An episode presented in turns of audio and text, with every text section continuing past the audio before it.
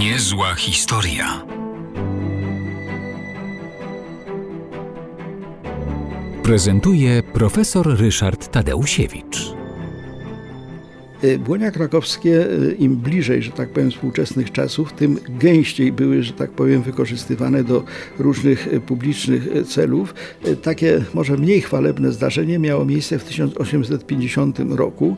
Mianowicie odbyła się tutaj publiczna egzekucja Franciszka Kaszuby. To był morderca wielokrotny, słusznie go skazano na śmierć. Problem nawet był taki, co może warto podkreślić, że Kraków miał wprawdzie kata, ale ten kat nie umiał wykonać wyroku śmierci. Wobec tego sprowadzono kata z Rzeszowa, y, no i tego Kaszubę rzeczywiście powieszono.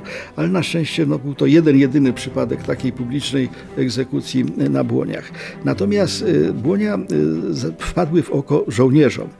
Wojsko austriackie, które wtedy zajmowało Kraków, bo był Kraków oczywiście pod zaborem austriackim, doszło do wniosku, że, że jest to świetny poligon, tylko trzeba go osuszyć. Rzeczywiście na Błoniach w czasach historycznych, tych wcześniejszych, były nawet całe jeziorka, nawet takie e, tam, tam łowiono rozmaitego rodzaju e, ryby. Coroczne wylewy e, rudawy powodowały, że te błonia były zalewane.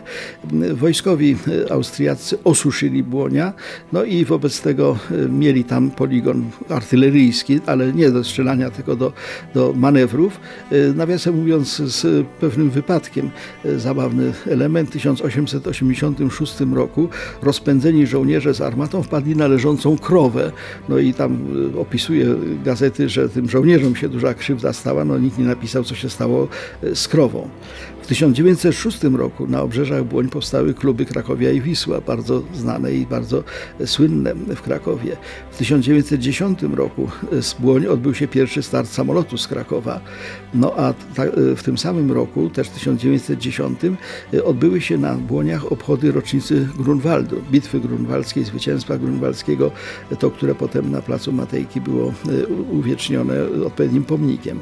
W 1933 roku, a więc już za niepodległość, niepodległej Polski była e, parada z okazji rocznicy odsieczy wiedeńskiej.